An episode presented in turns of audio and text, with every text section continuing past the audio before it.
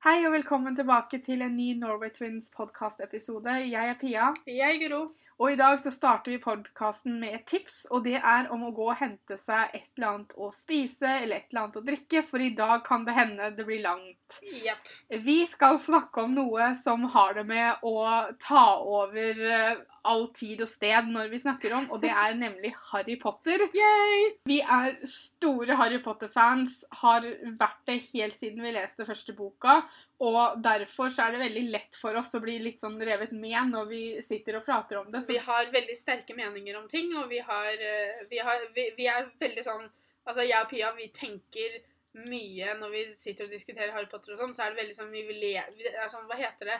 Vi er veldig sånn filosofiske, og vi tenker veldig Hvorfor gjorde den sånn? vi overtenker ting, er tror jeg det Det Guro prøver å ja. få fram her. det var ordet jeg lette etter. For, for det, det, det tror jeg vi gjør. Og så har vi lagt altfor mye tanker ned i, i handlingen på noen bøker og filmer som ikke er ekte i det hele tatt, sånn sett. Nei, men det her er jo det som jeg tror at JK Rowling var ute etter når hun skrev bøkene, er at hun vil at folk skal engasjere seg. Mm. Hun vil at folk skal få et personlig forhold til disse bøkene, og at hun vil at folk skal tenke, sitte og tenke. Særlig når hun holdt på å gi ut bøkene, så tenkte jeg det at det må være utrolig morsomt å være som forfatter. Å sitte og følge med på hva liksom alle disse teoriene og sånn som fansen kommer opp med. Om det er noen som klarer å gjette seg fram til hva som vil skje. Om folk er helt på bærtur. Jeg tror også mange faktisk klarte å på en måte bli så kjent med hvordan hun skrev og hvordan hun tenkte, at noen av hemmelighetene som på en måte ikke kom før i de seneste bøkene, faktisk var kommet fram, fordi at folk bare sånn Det må være det her som skal skje, og sånn. Men det er jo det som er litt morsomt med tiden vi lever i nå, med sosiale medier og Tumblr og sånne ting. ikke sant? Forfattere, eh, filmsk Altså egentlig alle har jo muligheten til å følge med på arbeidet de gjør og gir ut på en helt annen måte enn før. Så måtte man lese i avisa eller i blader eller liksom se på TV at man snakka om en film eller noe sånt. Og i dag så får de tilbakemeldinger fra alle. Og det må jo være en veldig spennende del av det. For som du sier, at det ga jo en mulighet til å finne ut hva folk tenkte. Ja. Og hun har jo hele tiden hinta gjennom bøkene. Det er jo veldig ofte du, du, noe dukka opp i en senere bok som ikke nødvendigvis hadde vært om i boka før, men kanskje til og med to-tre bøker tidligere. Man måtte følge med hvis man skulle få med seg altså Man måtte- suge til seg all informasjon. Og alle små beskrivelser og alle, altså, ting som virka som totalt unyttig informasjon i bok to, kom kanskje fram og var, var veldig viktig i bok seks. Ja. Så det var sånn, så hun er så smart. Hun er en veldig smart forfatter sånn sett. Men det er jo derfor det var veldig gøy å lese alle bøkene på nytt når Ja. alle syv hadde kommet ut. For da visste du visste hva som kom til å skje helt til slutten. Og når du da begynte å lese bøkene på nytt igjen, så lot du merke til disse tinga som du egentlig bare hadde skumlest tidligere. Helt klart. Men før vi virkelig setter i gang, så må vi Jeg vet ikke om det er nødvendig, men vi bør jo kanskje bare si en spoiler alert med at vi kommer til å Ja. snakke om handlingen. Vi kommer til å røpe ting som skjer. Vi kommer til å røpe folk som dør i bøkene. Spoiler allerede her. Det er folk som dør. Ja, Og, og så hvis det er noen der ute som har trykka seg inn på denne podkastepisoden som ikke har lest Harry Potter, men som Da bør du gå og lese Harry Potter, for å være helt ærlig. Og så kan du komme tilbake og høre på den her, for hvor i alle dager har du vært? Sorry meg, jeg mener ikke å være frekk eller noe, men, Men de eh, som begynner å vokse opp nå, er ikke sikkert har liksom klart å komme seg dit men ennå. de tror jeg ikke er på podkasten vår heller. Men da vet dere at vi kommer til å snakke om ting, så hvis, dere, hvis det er noe dere ikke vil vite, så ikke hør på denne episoden. Og så kan vi begynne å prate om hvordan vi oppdaga Harry Potter. Ja, og jeg igjen, jeg har det med å lage falske minner som ingen andre enn meg husker, men det jeg husker, er at på, når vi gikk på ungdomsskolen, så var det en, en i klassen vår som satt ute i gangen og leste noen bøker. Og så satte jeg meg ned ved siden av han en dag og så sier jeg, jøss, hva er det du leser? For han leste en bok som var altså så tjukk, så jeg aldri hadde sett maken. Bare, Nei, jeg leser en Harry Potter-bok. Og jeg bare, Harry Potter, ja, det hadde jeg aldri hørt om. Så jeg sier, hva er Harry Potter? Og så begynte han å forklare, og jeg bare, yes! Ja takk, vil ha, vil lese. Og da gikk jeg hjem og fortalte mamma og Pia om det. Og så kjøpte mamma første boka, og så leste vi de første bøkene leste mamma høyt for oss. Vi lå inne i dobbeltsenga til mamma og pappa, og mamma leste høyt. Hun lagde seg forskjellige stemmer. Mamma har alltid vært kjempeflink til å lese høyt. Hun jobber i barnehage, det er sikkert der det kommer fra. Så hun huska også stemmene fra bok til bok. Så når Mm. andre boka kom, så fikk liksom Humlesnurr fikk samme stemme. Alle fikk samme stemme, noe som var helt genialt. Men er det sånn du husker det? Ja, for det er du som oppdaga det. Ja. det var, jeg ble fortalt om Harry Potter av deg. Ja, da er det sånn her det skjedde. Og vi har jo alltid likt eh, filmer, TV-serier, bøker om hekser og magi og sånne ting, så dette falt jo rett inn på vår perfekte eh, sjanger, da. Altså, Den dag i dag så er fortsatt min absolutte favoritt-TV-serie Charm. Altså den gamle versjonen, ikke den nye versjonen. Den har jeg ikke sett engang. Vi gidder ikke å prate om det. Akkurat her så husker du nok eh, riktig. Vi leste eh, de fire første bøkene høyt sammen med mamma. Og det var jo også på den tiden der man måtte vente på oversettelsen. Ja. Så én ting var jo det at man gikk og venta på at boka skulle bli gitt ut, men vi måtte jo som regel vente litt lenger også før han kom på norsk. Og hvis ikke jeg husker helt feil, så tror jeg de første bøkene de måtte man faktisk vente en god stund på. Ja. Og så blei de flinkere og flinkere til å korte ned på den oversettelsestida seinere. Fra bok fem og ut så leste jeg dem bare på engelsk, Ja. så der vet jeg ikke hvor lang tid det måtte gå. Jeg føler at Harry Potter må leses på engelsk. Så jeg føler også at det å sitte og snakke om Harry Potter på norsk blir veldig vanskelig for meg, for jeg kommer til å si de engelske navnene. Ja, det må vi bare Fordi- si ifra om nå, for vi vet ikke hva det norske Vi kan sånn som Gygrid, Humlesnurr, Ronny, Ja. Hermine, sånne ting. Men når vi begynner å komme litt på de andre karakterene, Mm. sånn som Bellatrix for eksempel, hva heter hun, heter hun noe annet på norsk, eller heter hun Bellatrix Lestrange, liksom? Jeg vet ikke. Jeg har Nei, ikke peiling. ikke sant? Så her kommer liksom disse tingene at vi, det blir noen engelske navn. Pia nevnte jo også det med, med å vente på nye bøker og sånn, og det var jo Altså, vi leste bøkene ganske fort. Mm. Eller mamma leste dem fort. Jeg husker ikke hvilk, hvor langt de hadde kommet i serien når vi oppdaga den, for det var jo Jeg tror det var to eller Nå må jeg tenke. Første filmen kom i 2001. og- Det var jo året vi begynte på videregående. Ja, og første filmen kom i Nei, boka kom i 97. Da var vi tolv. Da gikk vi på barneskolen fortsatt. Jeg tror det var bok to eller tre Ja, to eller tre hadde kommet som ut. hadde kommet ut når vi begynte, så vi kunne på en måte lese Det som er at Jeg innbiller meg at jeg husker at det var bok nummer fire han satt og leste, for den bok nummer fire var ganske tjukk. ja. Så det jeg skal gjøre nå, jeg skal et kjapt Google-search for å finne ut når den kom ut. Kanskje at jeg til og med husker det riktig. At det var den boka. Den kom på engelsk i 2000. Noe som vil si at da gikk vi i 10. klasse.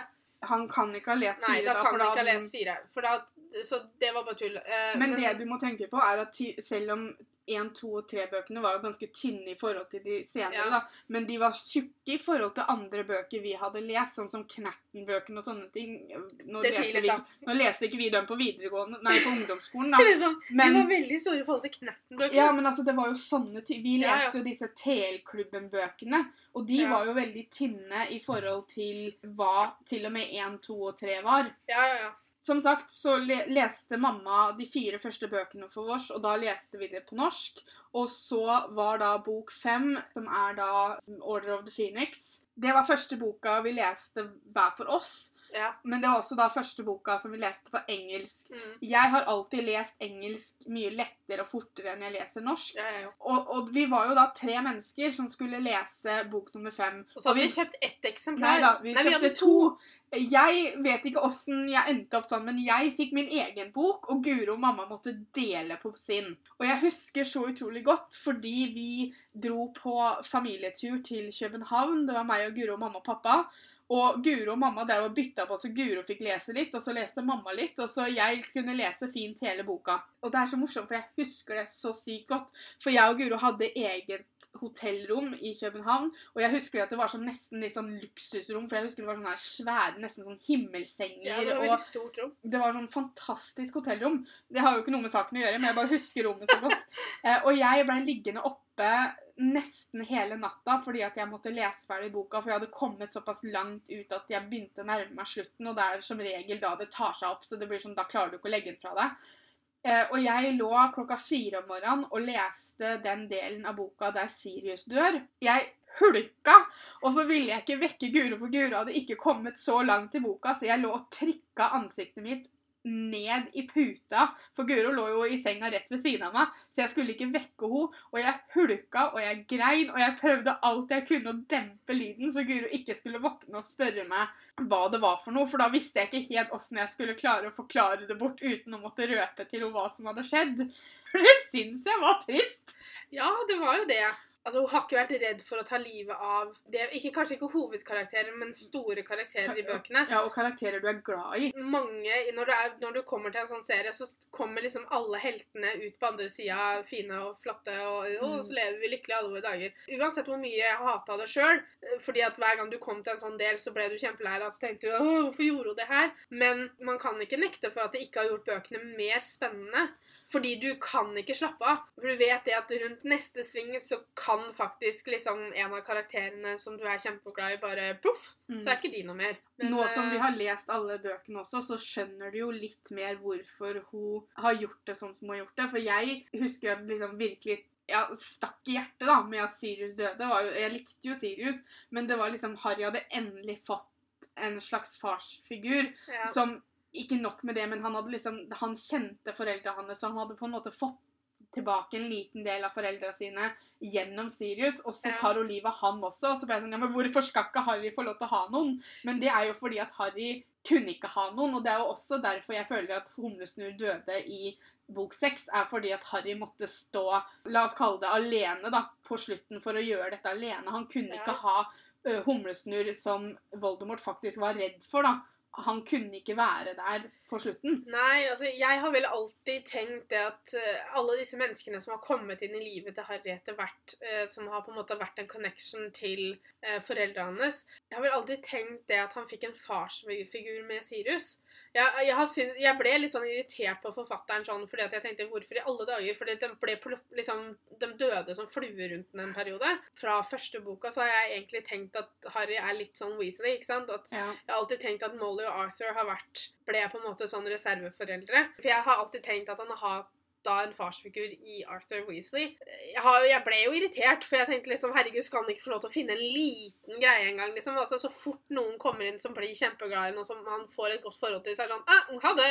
Går det an å være så slem? tenkte jeg innimellom. Men så er det jo også Man skjønner det jo til en viss grad sånn når hele serien er ferdig og du sitter og ser på det, så, så skjønner du jo hvorfor det måtte være sånn på én måte. For meg så har alltid Gary Oldman som Sirius vært den mest perfekte castinga av, all, ja, av alle rollene. Så, så det er Sirius og Lupin som jeg syns at skuespillerne har passa så utrolig bra til. Okay. Jeg sier ikke at de er, passer dårlig. Altså, Nei da.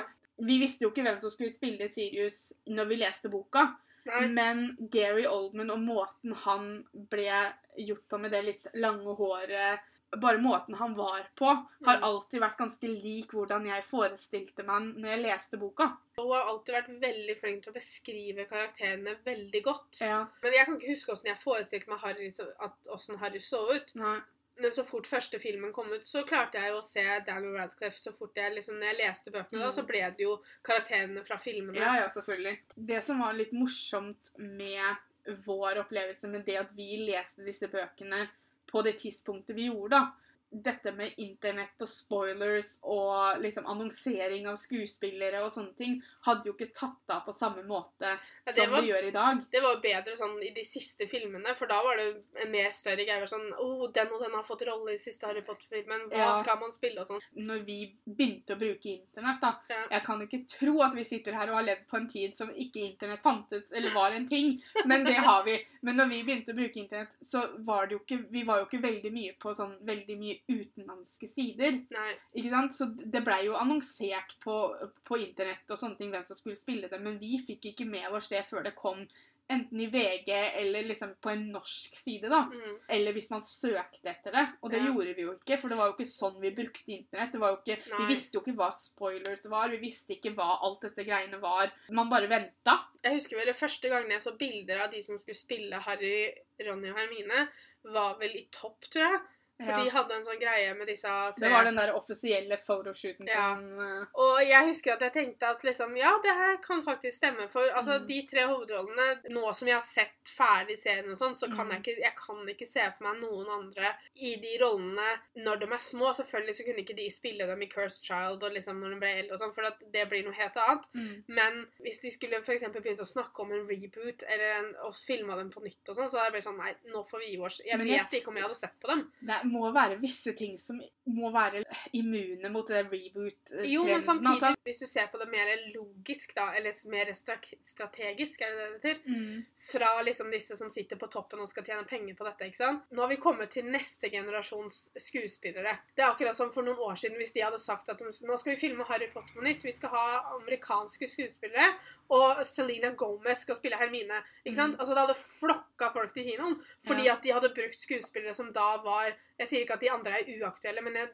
som er aktuelle på den tiden. ikke sant? Sånn om noen år nå, når liksom skuespillerne, eller de yngre skuespillerne, nye yngre skuespillere har kommet til, blitt populære, folk har lyst til å se dem i alt mulig, så er det ikke ulogisk om de som sitter på toppen og skal tjene penger, sier at nå tar vi og samler de som alle vil se, og så lager vi en ny Harry Potter-versjon. Og så kommer alle de yngre da til å på en måte glemme litt de gamle, Mm. fordi det er vår generasjons eh, casting, og så kommer de til å flokke til den nye. syns de skal la nå Harry Potter være, fordi at Jo, men det tror jeg ikke de kommer til å gjøre. Nei da, og Selv om jeg håper at de gjør det, for det hadde Mm. vært veldig rart å begynne på nytt igjen nå. Samtidig, Eh, det er jo en gyllen mulighet til å kanskje ta med ting i filmene som vi har savna, da. Og gjøre det litt annerledes. Ja, For de altså- hadde jo ikke lagd ting helt likt igjen. Det jeg tenker da som hadde vært gøy, hvis de skulle gjort sånn, det er f.eks. da å gå til Ruber Grint og si OK, vi vil gjerne ha deg som Mrs. Weasley. Ikke Mrs. Weasley, men Mr. Weasley. Han burde ikke spille mora. Han burde kunne spille faren.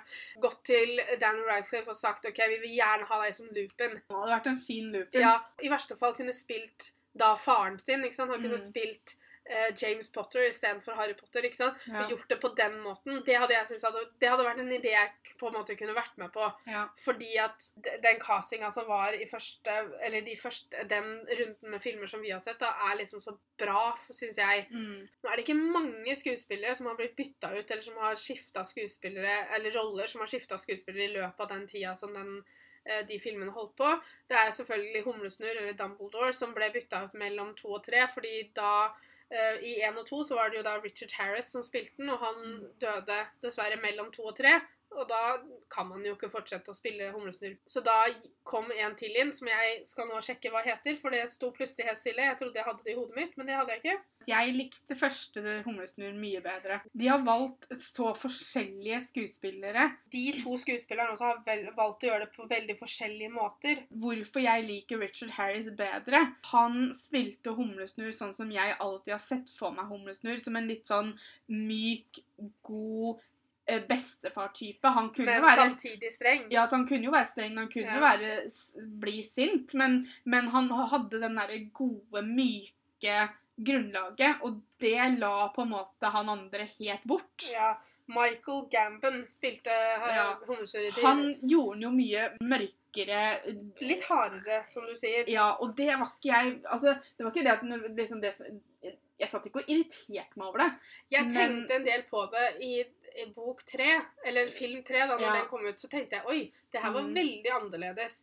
Men samtidig, når du tenker på hva som har kommet fram om Humlesnurr i løpet av de siste bøkene, Ja. det med historien han hadde med Grindelwald Men det var jo sånn som Richard Harris spilte den. Det er jo sånn han er i bøkene. Ja, Fordi at den, den fortiden han har, da, gjorde han jo til den myke mannen som han Ja, var. Fordi jeg- han blei litt humble av alt dette andre greiene. den karakteren som Michael Gambon valgte å spille, passer bedre til fortida Mm. enn det Richard Harris gjorde. Men jeg tror poenget med fortida til Humlesnurr var jo det at han hadde forandra seg til nåtida. Jo da, det var ikke det at jeg ikke syns han har forandra seg. Jeg bare syns at da er det mer logisk for meg hvordan Ja. han er hvordan han var, da. Mm. Uh, med det at han plutselig kunne bli, litt, eller bli veldig streng på visse ting og være litt hard. Han visste på en måte hvor det kunne gå hvis ikke man valgte riktig sti og sånn, da. En karakter som jeg syns er synd at ikke fikk mer screentime i filmene, er Bill. Og så syns jeg det er synd at vi aldri fikk møte Charlie. Hvis ikke jeg tar helt feil, så er Charlie er en av de personene som står og holder på med de dragebura i film nummer fire,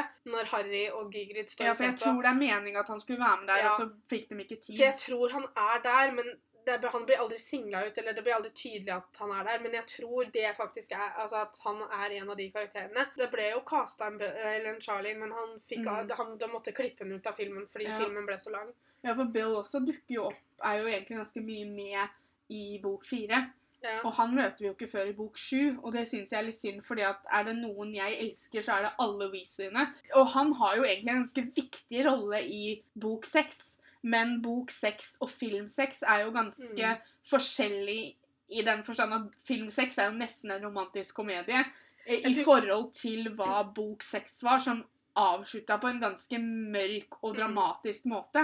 Filmsex er veldig fin, syns jeg. Mm. Men jeg syns det er den som er dårligst i forhold til boka, hvis du skjønner hva jeg mener. Ja. De andre, selvfølgelig, jeg skjønner at man kan ikke ta med like mye detaljer og sånn i, i filmene som i bøkene, for det, det Mm. er det ikke tid til. Noen ting må falle bort. Men forandringen de har gjort fra bok til film på nummer seks, Mm. er såpass stor at hvis man ser på det hver for seg, så er bok seks veldig fin, og film seks veldig fin. Mm. Hvis man tenker på at det er samme tingen, Mm.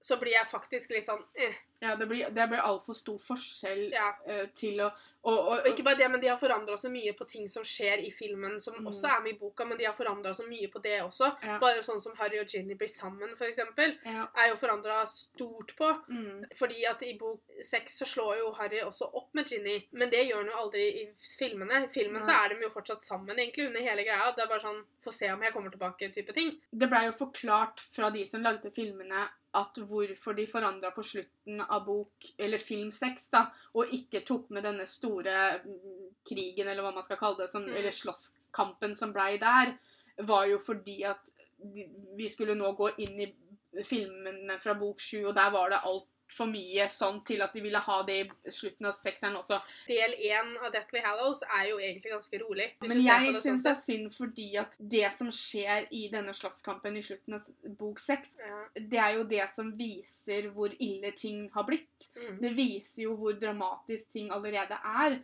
Det er jo da alt sammen setter i gang. Av alle filmene så er nok faktisk sekseren på bånn av min liste. Det er den ikke, men det er bare Det, Men, men det hvis er hvis jeg jeg ser på den for, for seg sjøl, liksom. Ja, for at hvis du tar bort det at selvfølgelig de første filmene eh, i forhold til de siste er jo dårligere. Men hvis du ser på, sånn som du sa, da, sammenligner med bøkene, ser det i sin helhet med boka, Ja. så syns jeg sekseren er på bånn. ja, ja, selvfølgelig. Når det gjelder Det bøkene, jeg også. så syns jeg faktisk at kanskje første boka ligger på bånn, bare fordi at det blei Det er en sånn introduksjon og en forklaringsgreie. Ja. Og så blei det mye mer spennende etter hvert når du allerede kjente til eh, alle og liksom eh, sånne ting. Ja. Eh, For meg så var bok nummer tre veldig, veldig lenge favoritten min. Jeg elska 'Prisoner of Azkaban'. Og det var fordi Sirius kom inn. Fordi jeg følte at vi ble kjent med foreldra til Harry på en helt annen måte. Og så var det også pga. Lupin, som ligger veldig høyt oppe på mot toppen av favorittkarakterene mine. Eh, For jeg har alltid, alltid likt Lupin kjempegodt. Det er veldig vanskelig for meg å velge én favorittkarakter, egentlig. Hvis jeg, skal, hvis jeg skal se på helheten, så er favorittkarakteren min Ron. Jeg har digga han fra dag én, fra første ord i boka. Jeg syns han har utrolig kul karakter. Rupert Grint gjorde en fantastisk jobb med å spille den. Også han, fikk, kom kanskje ikke helt fram i filmene like godt som i bøkene, for han er mye morsommere i bøkene. Det er mye mer kommentarer, mye mer sånn småkommentarer og sånne ting som ikke fikk plass i filmene. Men han allikevel så har de ikke gjemt den. Han har fått vist hva han kan, da, og hvem Ron er i filmene, så han er favoritten min. Så vil jeg vel si at Snape kommer. Og det er nødvendigvis ikke fordi at Jeg liker jo Snape, men jeg er jo absolutt ikke med på hvordan han var.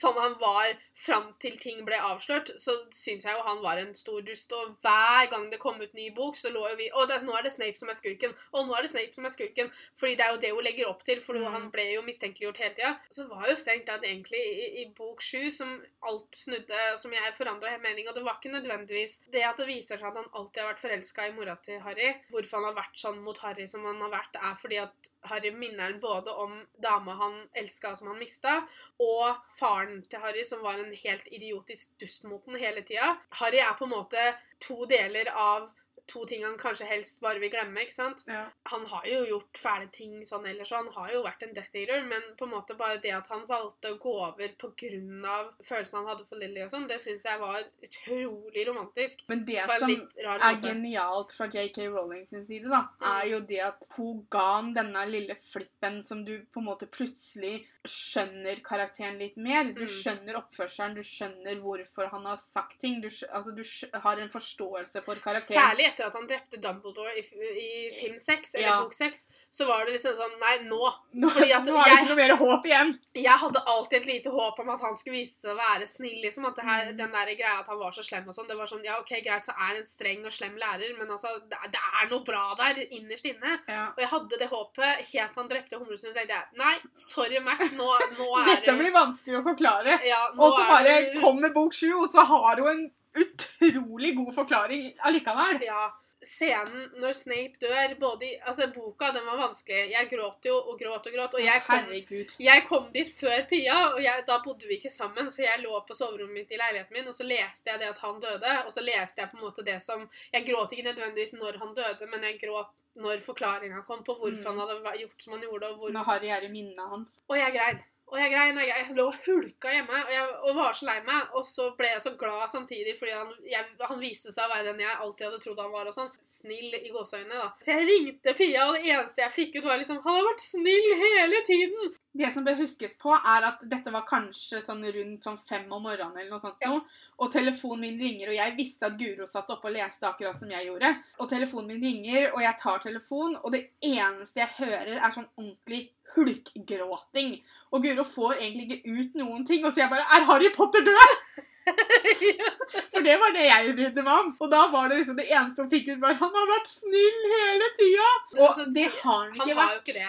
Han har ikke vært så Altså, slem som vi skulle ha til. Motivene hans har vært ålreit, da. Men jeg må si det at den scenen når han dør i filmen da, da var jeg litt sånn Jeg var veldig nervøs for hvordan de hadde tenkt å gjøre det. Nei, de har ikke forandra det fra boka. Nå ble jeg plutselig Altså, nå, jeg husker liksom ikke helt sånn med hva som blir sagt og sånne Nei. ting. Jeg føler vel at de har fått fram den følelsen som jeg tror hun ville at du skulle sitte igjen Mm. med etter å ha lest den eller sett den. Ja. Fordi at han oppkaller tross alt sønnen sin etter Snape. Noe som vil si at du må få en ordentlig forståelse for at Harry får en forståelse for hva Snape har gjort. Det går ikke bare på at vi skal skjønne det, men det går på at vi må lese at Harry også får den forståelsen, siden han ender opp der han ender opp med den. En av de tinga som vi snakka litt om i begynnelsen av podkasten, er det at hun skriver ting kanskje i bok to, og så får du ikke vite betydningen av det før i siste boka eller bok seks. En av de tinga, noe som Og det er jeg ganske sikker på at jeg har riktig det jeg kommer til å si nå.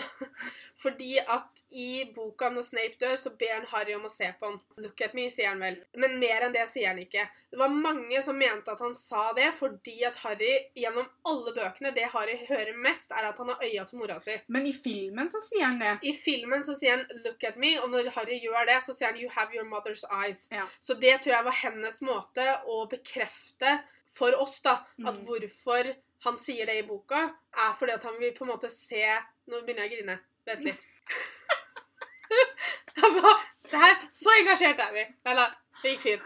For hvorfor han sier det i boka, er fordi at han vil på en måte se øya til Lily når han dør. Og gjennom alle bøkene så har alle sagt at å, du er så lik faren din, du er så lik faren din, men du har mora dine sine øyne. Du har mora Ja, di sine øyne. det var en viktig ting å bemerke seg. Fordi at folk skulle sikkert huske på det. Fordi jeg tror nok hun ville det at når han da spør, eller sier til Harry at han må se på han når han dør, Mm. er fordi at folk skulle plukke opp på det at jo, han ville se Lily i øya en siste gang. Men i filmen så har de, har de liksom lagt til det at han sier det også. Hun ville sikkert bekrefte det for dem. Det er jo før Harry vet alt sammen. Mm. Så det er sikkert en rar ting for Harry å høre. Og den scenen i filmen når han dør, er fantastisk bra spilt Mm. av alle sammen, egentlig. Alan Rickman var en fantastisk Snape. Han hadde et sitat en gang hvor han sa ikke sant, Nå får jeg gåsehud, og så kan jeg begynne å grine igjen. I minnet til Snape er, er jo Patronusen Mm. til Snape er jo da et uh, rådyr, som da er mora uh, til Harry. Så viser han jo det til Humlesnurr ganske seint, eller ganske rett før Humlesnurr dør. Mm. Og da sier han liksom det 'still after all this time', og så sier da Snape 'always'. Litt av grunnen til at jeg har 'always' tatovert på armen, folkens, er på grunn av det. Det er 90 det.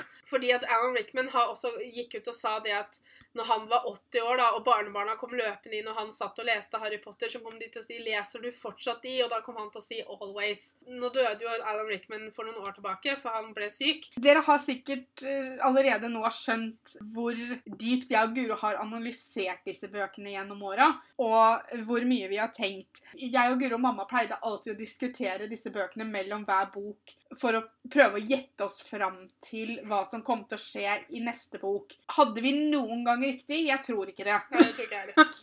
Vi er, vi er ikke noen av de som klarte å gjette seg fram til det. Det vi hele tiden lå og sa når vi leste bøkene her, og han kommer aldri til å klare å holde hele Altså, han kommer ikke til å overleve sjueren. Så Han kommer ikke til å overleve.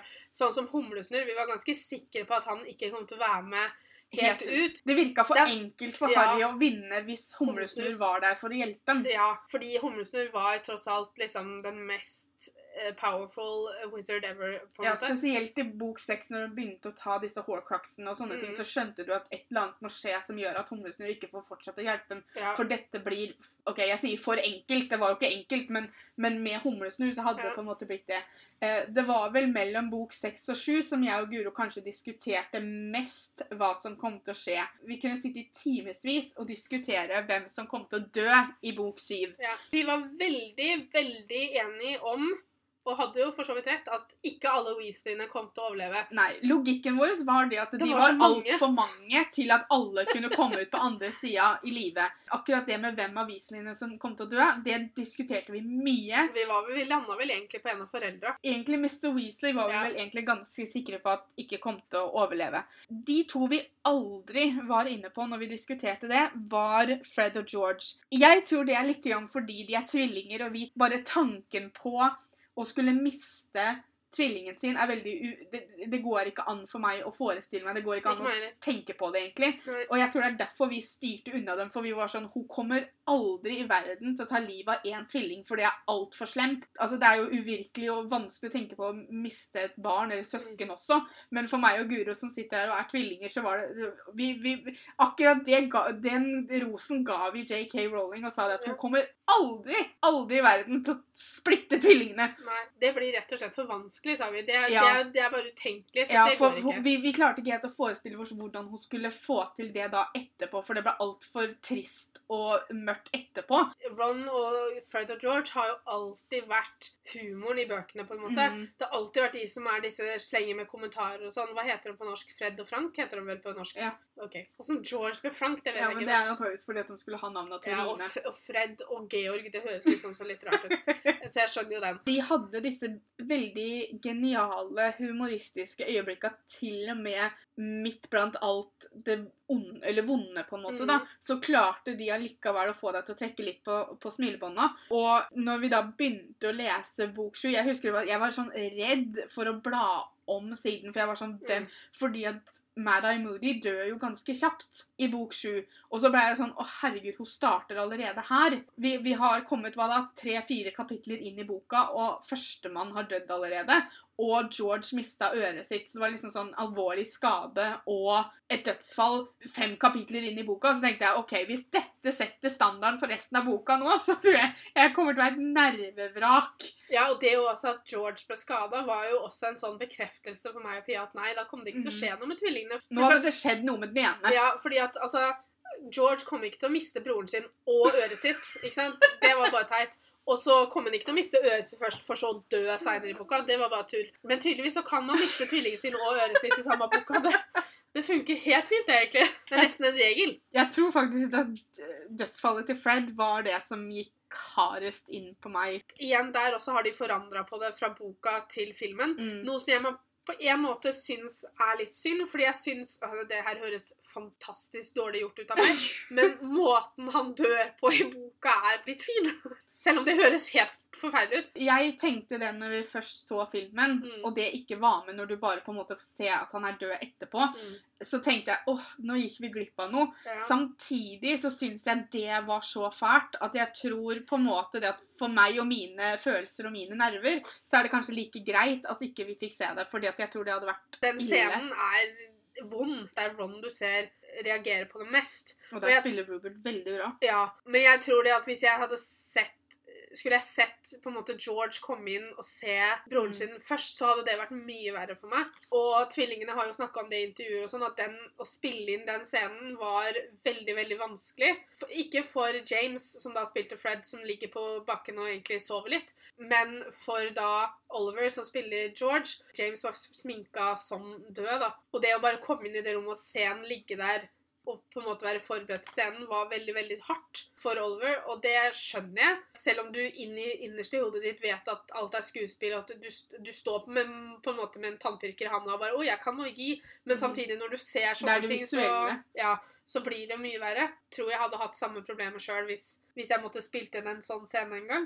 Eksempel hvis de skal spille inn bøkene på nytt og trenger noen kvinnelige Fred og George, for eksempel, så kunne jo Pia og jeg vært alternativet. Ja, ja, det er med en gang. Det, De er litt for unge og det er litt for gamle til å spille liksom Hogwarts-alder, da. Nå husker jeg ikke helt hvordan det var med de første filmene, for jeg tror ikke de hadde midnattspremiere sånn som de Det var vel da var vi så unge var vi da vi gikk. Fireren var første gang Ja. vi var på fire, midnattspremiere. fem, seks og sju, og da åtte var vi på midnattspremiera. Ja. Vi så disse filmene i hvert fall en fem, seks, sju ganger på kino. Den eneste er vel uh, sekseren, tror jeg vi faktisk bare så to eller tre. Ja. Fordi at vi blei sånn OK, greit, nå har vi sett eh, Ikke det at han Det hørtes ut som vi syntes han var dårlig, men det var bare at det var, vi hadde ikke den der trangen for å se Nei. eh, den filmen på samme måte. Men jeg og Guro vi var som regel på midnattspremiera. Vi har til og med sittet i hver vår sal på midnattspremiera fordi at Guro var sånn Nei, jeg skal ikke være med. Og så Det var ikke det, men det, fordi det var, den var, hadde en premiere på en fredag, og jeg på lørdag skulle jeg tidlig tidlig opp på jobb. Det var det det Og så hadde Pia og eksen hennes bestilt seg billetter fordi at jeg hadde sagt at nei, vet du, det blir faktisk for seint, for jeg skal på tidlig på jobb. Og så satt jeg og tenkte på det, og så ble jeg sånn Skal Pia se den her før meg? Jeg tror ikke det. Så da slengte jeg meg på likevel, og da var den eneste plassen som var ledig, da var en annen sal. Mm. Eh, Så måtte jeg sitte her alene. Og det her var jo da film nummer seks, når Humlesnurr dør. Som jeg ble litt sånn teary-eyed når han døde, så jeg satt der ved siden av en sånn dame, så jeg bare Jeg ser ikke på deg, da, for at du Men hun greier like mye, så det hjalp ikke noe. Så det var nesten så jeg liksom følte for å klappe henne litt på skuldra. Men det går bra. Ja, Guri var alltid på midnattspremiera, og så var vi alltid på da første sendinga da dagen etter også. Ja. Som regel så så vi filmen i hvert fall to eller tre ganger i løpet av de første 24 timene.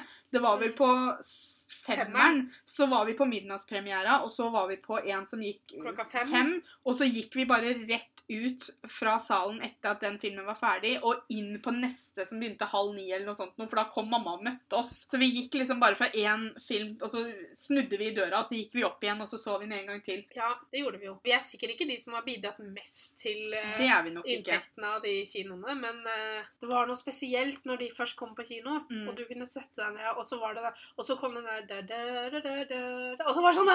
Så fikk jeg ståpels, og så var det sånn Jeg bare oh, Jeg var liksom helt der. Ja, og så blei du så fokusert på filmen at du tenkte jo nesten ikke på noe annet etter det. Du, du bare satt og skulle suge til deg så mye informasjon som mulig. Og så allikevel, så når du så den for andre gang, så var det sånn Det her lot jeg ikke merke til forrige gang. Det her lot jeg ikke merke til. Den korteste filmen, er ikke det Det er femmeren, det er det ikke det? Jeg lurer på om det Er er den kortere enn de første òg? jeg, jeg lurer på om det endte opp med å være den korteste, faktisk. Og det er jo den lengste boka, unntatt sjueren, vel? Det har jeg lyst til å sjekke ut, fordi at eh, nå, jeg har ikke lyst til å si noe feil her. Nei, det er faktisk siste filmen som er kortest, og så kommer femmeren. Bok fem er jo lengst. Jeg tror den er lenger enn en sjueren, hvis ikke de er ganske like. Men der òg var det jo mye som ble, ikke ble tatt med i bok fem, Ja. ah, eller i filmen. Mm. Det var veldig sånn korta ned på noe det. Det var bare det at det, to timer bare fløy av gårde, Ja, liksom. altså Det gikk jo så fort at det var jo umulig. Jeg føler at jeg har fått tilbake denne litt spesielle opplevelsen med det å lese Harry Potter-bøkene for første gang. Siden vi er blitt så fan av seriene, både bøkene og filmene, så har for meg så har det alltid vært noe spesielt med minnene av å lese bøkene for første gang. Og det som er synd, er jo at du kan jo aldri få det tilbake igjen. Du kan jo aldri lese Harry Potter-bøkene for første gang på nytt når du først har lest dem. Nei, det er litt synd. Men så har jo jeg ligget her med eh, betennelse i ryggen, og så fikk jeg et tips fra Helle eh, om en podkast hun syntes jeg skulle høre på. Og det var da en podkast som heter Potterless. Hvis dere følger oss på Instagram eller YouTube, så har dere hørt meg snakke masse om den her fra før av. Det er en 25 år gammel mann som heter Mike, som leser Harry Potter-bøkene for første gang, og så snakker han om det i podkasten sin. Hver podkastepisode handler da som regel om alt fra ett til fire kapitler av gangen, og så har han med seg gjester. Han har vært veldig lur der.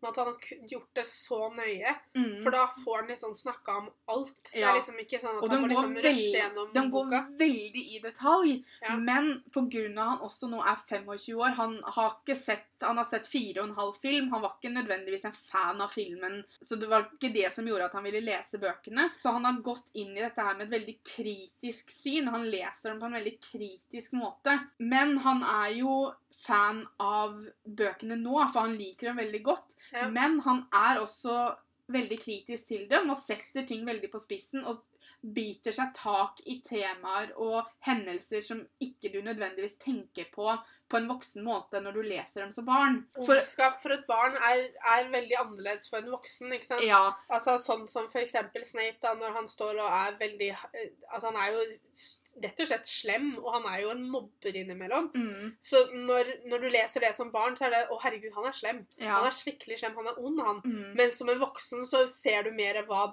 handlingene hans gjør med ungene. Ja, og så er det det at det er en lærer som står og gjør det mot en elev. Det, det sleit han Mike veldig med. Men han er utrolig morsom. Jeg ler så jeg griner innimellom fordi at han har noen kommentarer. Og han sitter jo også Og han leser ikke bøkene veldig langt på forveien, så hvis han skal si at han snakker om eh, kapittel 1 til 4 da, Mm. av bok 6, så har ikke han lest veldig mye lenger enn det. Nei. Så han sitter hele tiden i podkastene sine og snakker da med gjestene sine, som har lest bøkene mange ganger, for de er veldig store Harry Potter-fans.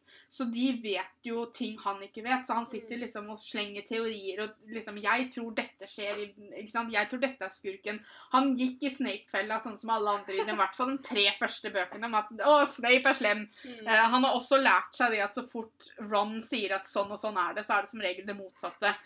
Så, så, og i bok fire så var han veldig fast bestemt på at Ludo Hambag eller noe sånt noe, hadde en veldig mye større rolle enn det han ender opp med å ha.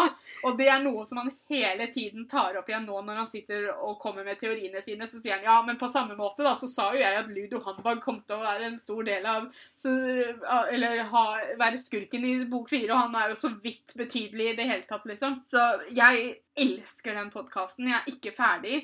Favorittkarakteren hans er Fred og George.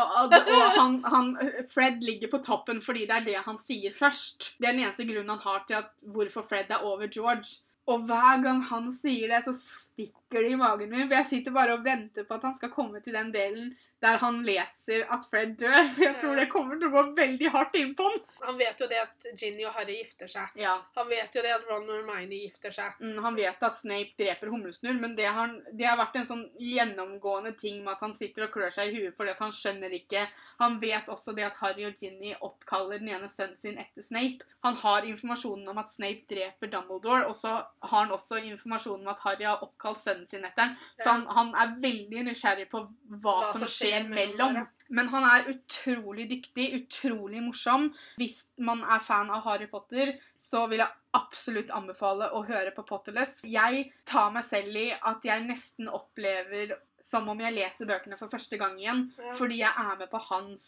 reise da, gjennom disse bøkene. Og det er veldig spennende for meg, fordi jeg, du får jo ikke så mye utdrag fra bøkene, men du får hans synspunkter på ting, og da er det akkurat som jeg får en ny opplevelse med Harry Potter. da. Ja. Eh, Så Potterless har liksom gitt meg noe jeg trodde jeg aldri kom til å få tilbake, og det er utrolig gøy. Nå har ikke jeg hørt så mye som deg, fordi at jeg har bare hørt det som jeg har hørt når du har hørt på når jeg har vært her. Ja. Det var mye hørt i én setning. Så, så jeg, men jeg, har, jeg skal jo si han er veldig Jeg har veldig, også veldig lyst til å høre på det, men da har jeg lyst til å høre helt fra begynnelsen. ja, men det bør du gjøre. Ja, Så det tror jeg må gjøre sånn for meg selv en eller annen gang. Ja, For det kommer til å ta Tid. Den episoden han la ut nå sist, er episode et eller annet og 50. Jeg håper. Etter at Harry Potter-eventyret var over, så trodde vi jo også det at det kom til å være over. Ja. Og så, før vi visste ordet av det, så kom da eh, boka og teaterstykket som heter The Cursed Child. Genialt. Boka er jo da manuset til teaterstykket, men det er J.K. Rowling som har skrevet det sammen med en eller annen. Jeg vet ikke helt hvem det er. Og vi fikk tak i The Cursed Child og var veldig spente på hva det kom til å innebære, hva det her gikk ut på, for det hadde jeg vel egentlig ikke lest så mye om, fordi at jeg hadde lyst til igjen å få den opplevelsen med å lese boka for første gang ut. Akkurat her har jeg vært litt sånn på spoilers og sånne ting, så jeg har prøvd å styre meg unna. Altså, jeg skal innrømme at når jeg først hørte om det, så visste ikke jeg at J.K. Rowling hadde noe med det å gjøre. Så jeg tenkte å herregud, skal andre begynne å, Mm. å eh, Tulle seg borti. Nei, men begynne å skrive fortsettelsen Eller blir jo, jo, det blir jo fortsettelsen, for det er jo Det, er jo det som skjer i Cursed Child, er jo etter 19 år senere i boka. Ja. Skal noen andre begynne å tulle seg borti der? Så har jeg en sånn greie med at jeg stoler ikke på at det her virkelig skjedde hvis ikke J.K. Rowling hadde sagt det. ikke sant? Så det at hun har vært med å beskrive det, da vet du at det som skjer i de bøkene, er fordi hun har sagt ja, det her er greit. Ja. Det kan skje. Mm. Fordi det er som jeg og Pia sa når vi hadde lest den boka, det er som å sitte og lese en lang fanfiction hvis man har lest det før. Plutselig så var det sånn Du leste om disse ungene som du hadde lest så mye om og tenkt så mye på som ikke du visste så mye om, og så Mm. lærte du om dem. Jeg tror alle som leste Ikke alle, da, men veldig mange som leste Harry Potter-bøkene, ville jo gjerne at noen av ungene til disse eh, hovedkarakterene skulle bli venner med sønnen til Draco, f.eks. Ja. Scorpius. Det var liksom sånn, å, det, det hadde jo vært skikkelig kult om de ble bestevenner, fordi at Draco og Harry var jo aldri gode venner. Det var, En del av Kershaw var jo at Albus Severus var bestekompis til bestekompisen til Scorpius. Mm. Og det var liksom sånn Aha! Det skjer faktisk! Ja. Så det var kjempeartig sånn sett. Nå har ikke jeg sett uh, musikalen, Og det har vi så lyst til. Vi har så lyst til å dra til London og se den. Altså, Ja. har, altså Det er står øverst på lista over ting jeg har lyst til å gjøre. Ja, eh, men jeg har jo lest eh, boka, og jeg syns den var kjempefin. Fortellingen om Harry Potter tok en litt mørkere vending etter disse 19 årene som vi på en måte hadde visst om fra før av, da. Med det at forholdet til Albus var ikke helt sånn som kanskje vi hadde forestilt oss. Mm. Han sleit litt, men han, han får lov til å slite litt, spør du meg, da. Han har vært gjennom ganske mye Han har vært gjennom veldig mye på disse syv bøkene. Eh, og som Mike eh, fra Potterless ofte sier, så, så er det som regel fra mai og utover som ting går dritt.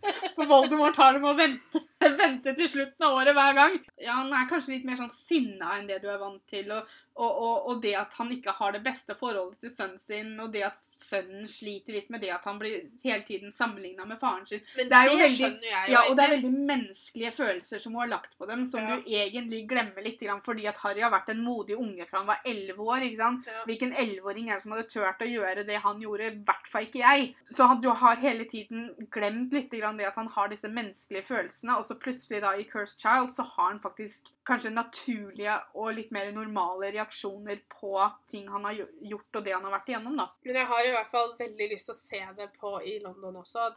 Det hadde vært så stort. Teaterstykket er jo så, eller musikalen er så lang at de deler opp i to deler. Du ser en del tidlig om morgenen, da, så får du et par-tre timer med pause, og så kommer del to, eller så kan du se del to en annen dag. Fordi teaterstykket er så langt. En hel dag med Harry Potter i London. Eh, ja takk. En annen fortsettelse som skjer før. Den nye filmserien som nå har kommet med Fantastic Beasts og Where to Find Them. Etter at film 8 kom ut, så trodde jeg aldri jeg skulle sitte i en kinosal igjen og høre da, da, da.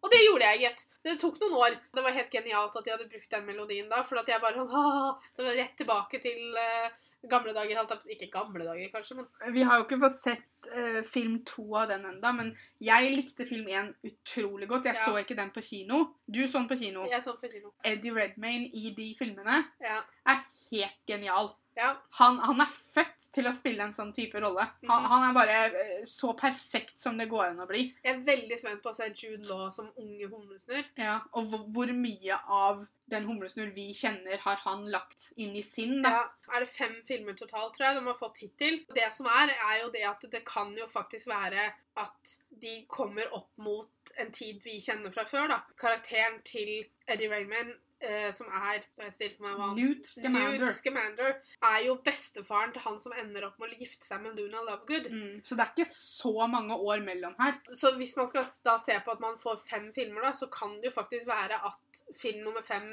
ender liksom kanskje med det at foreldra til Harry blir drept, f.eks. Det kan komme såpass høyt opp. For det kommer jo litt an på hvor lenge han Newt lever, for det vet Jeg tror han fortsatt lever når uh, tida vår Eller når sjueren er ferdig. Ja, ok. Jeg tror ikke han er død ennå. For det er jo Men det liksom skal det er jeg ikke si for For det er, jo de, det er jo han filmene handler om, så det er jo Jeg vet i hvert fall at jeg slo opp på Wikipedia, og, det som, og Wikipedia er jo på en måte fylt ut av eh, kanskje ikke de sikreste kildene hele tiden, men Det finnes jo egen Harry Potter-Wikipedia òg. ja, fordi at han For jeg var mest opptatt av om han endte opp med hun dama i filmen. Og det, Det, det har jeg ja, sjekka òg. og det er jo bestemora. Ja. Så, så de gifter seg jo og får unger og sånn, så det var jo fint. Jeg liker å vite sånne ting, da, for det blir jo litt sånn skummelt og sånn å ikke vite. Da blir det så innmari spennende hele tida. Dere har kanskje fått en liten mening om hvor mye Harry Potter har betydd for meg og Guro. Mye. ut ifra den podkasten her. Men på Instagram så spurte vi denne gangen om hva Harry Potter hadde betydd for dere. For vi følte at vi kanskje hadde klart å dekke litt sjøl eh, hva vi hadde fått spørsmål om. Vi har fått eh, et par svar her. Det var en som sa det at eh, filmene de var bortkasta tid, men at bøkene det var, de var fantastiske, og det var det som fikk henne interessert i fantasy-sjangeren. Jeg tror alle kommer til å se på dette på forskjellige måter. Av bøkene er så innholdsrike, så kan jeg se hvordan på en måte oversettelsen fra bok til film ikke alltid gjør folk fornøyd, fordi Ja. at man må kutte ut så mye. Og da er det veldig ofte at de må enten forandre på ting for å få det til å bli logisk, fordi de må ta bort andre ting. Så jeg kan se hvor meninga kommer fra. Jeg deler ikke meninga, men jeg kan se hvor han kommer fra. For Ja, da, de sier jo alltid det. Les bøkene før du ser filmen, fordi at som 98% av tida så er boka bedre enn filmen. Ja da, så jeg skjønner, jeg skjønner det, men jeg var ikke enig. En annen har sagt det har betydd at det finnes en fantasiverden utenfor den virkelige, og at man kan slappe av mens man ser på Harry Potter. Det er jo en av hovedtingene Harry Potter har gjort for meg, er jo at det har gitt meg en verden som jeg kan gå Altså, jeg begynte jo å lese denne bøkene lenge etter at jeg var 11, og jeg bare Jeg fikk ikke noe brev. Nei. Det kom ikke noe ugle med brev til meg, liksom. Det er dårlig gjort. Mm. Uansett åssen fantasifilmer du ser, så er det sånn å, det er, Innerst inne så har du sånn lite håp om at det faktisk kan være sant. Mm. Da var jo jeg bare en vanlig muggle. Det beste med å lese fantasisjangeren er jo det at du kan drømme deg bort i en verden som tar deg vekk fra vår virkelige verden. Jeg har alltid sagt under, liksom, mens vi har lest bøkene, sett filmene og sånn, så har jeg alltid sagt at jeg skulle, hvis jeg hadde gått på Hogwarts, så skulle jeg hjelpe Harry og dem. Sannheten er nok at jeg hadde vært en av de som, uansett hva som skjedde på den skolen, så hadde jeg sittet, sikkert sittet og gjort lekser og møtt opp til timen og For det er jo ganske mange av dem i filmene, og du ser jo alltid de i bakgrunnen som Altså, de merker jo ikke at Voldemort er tilbake omtrent engang, ikke sant? Nei. Fordi at de er disse bakpersonene som bare skal gå og gjøre sånn som de vanligvis gjør. Mm. Så mens liksom folk løper panikkslagne gjennom gangen, så ser du alltid en som sitter på biblioteket og leser. ikke sant? Det hadde sikkert vært meg. Pluss at jeg hadde jo absolutt ikke villet hatt Snape i natt med. Den siste var Harry Potter for meg var en trygg getaway fra verden når den ble for mye. Det fantastiske universet er altoppslukende, og jeg kunne gjemme meg i den, i den verden, i hvert fall for en stund. Det er veldig godt sagt. Mm. Det er jo det gode filmer skal gjøre. Hvis ikke du sitter der og føler at du kan drømme deg inn, så tror jeg det er ganske sånn Og når du gjør det, så blir du også engasjert sånn som vi har vært Ja. med det. Ja, ja, helt Fordi klart. du glemmer litt at dette er ikke noe du leser om i nyhetene. Du, du, du blir liksom helt oppslukt fordi at du lever deg så inn i det. Men det er det jeg er glad for at jeg klarer når jeg leser, og jeg tror det er derfor jeg er så glad i å lese. Mm. Fordi så fort jeg åpner en bok, så er det akkurat som jeg blir sugd inn i boka, og så går jeg ved siden av de personene som jeg leser om. Hvis, Hvis det er en god bok, og Ja. hvis, hvis jeg klarer å liksom på en måte hekte meg, så Mm. gjør man jo det. ja. Er det en dårlig bok, så klarer jeg ikke det, og da, Og da faller blir- jeg veldig fort ut. Men da leser man jo heller ikke ferdig boka, for Nei. jeg leser bare bøker som fenger meg, for ellers så klarer jeg ikke. Men det gir meg jo en kjempeopplevelse med å lese bok. Jeg kan jo Ja. få en like bra opplevelse fra å lese en bok som å se en film. Det er sant. Da skal vi anse oss ferdig for å snakke om Harry Potter for denne gang. Ja, det kan godt hende han dukker opp sånn innimellom. Harry Potter dukker opp uh, før du vet ordet av det. Veldig ofte, i hvert fall hos oss. For vi snakker fortsatt om Harry Potter vi når vi sitter her alene og Ja. holder på med et eller annet. Vi håper dere har likt episoden. Vi håper dere ble dratt inn i en podkastverden ved å høre på det. Tusen, tusen takk for at dere har tatt dere så lang tid til å høre på episoden i dag. Dette var jo en avslutning på Harry Potter-uka som vi har hatt på YouTube også. Vi har lagt ut litt Harry Potter-tema-videoer denne uka her. Og Og YouTube-kanalen vår er linka under podkasten her et sted. så vi fant ut at da avslutter vi med en heidundrende Harry Potter-podkast. Men vi eh, høres neste søndag, Ja. og så får dere ha en fortsatt fin helg. Ha det! Ha det!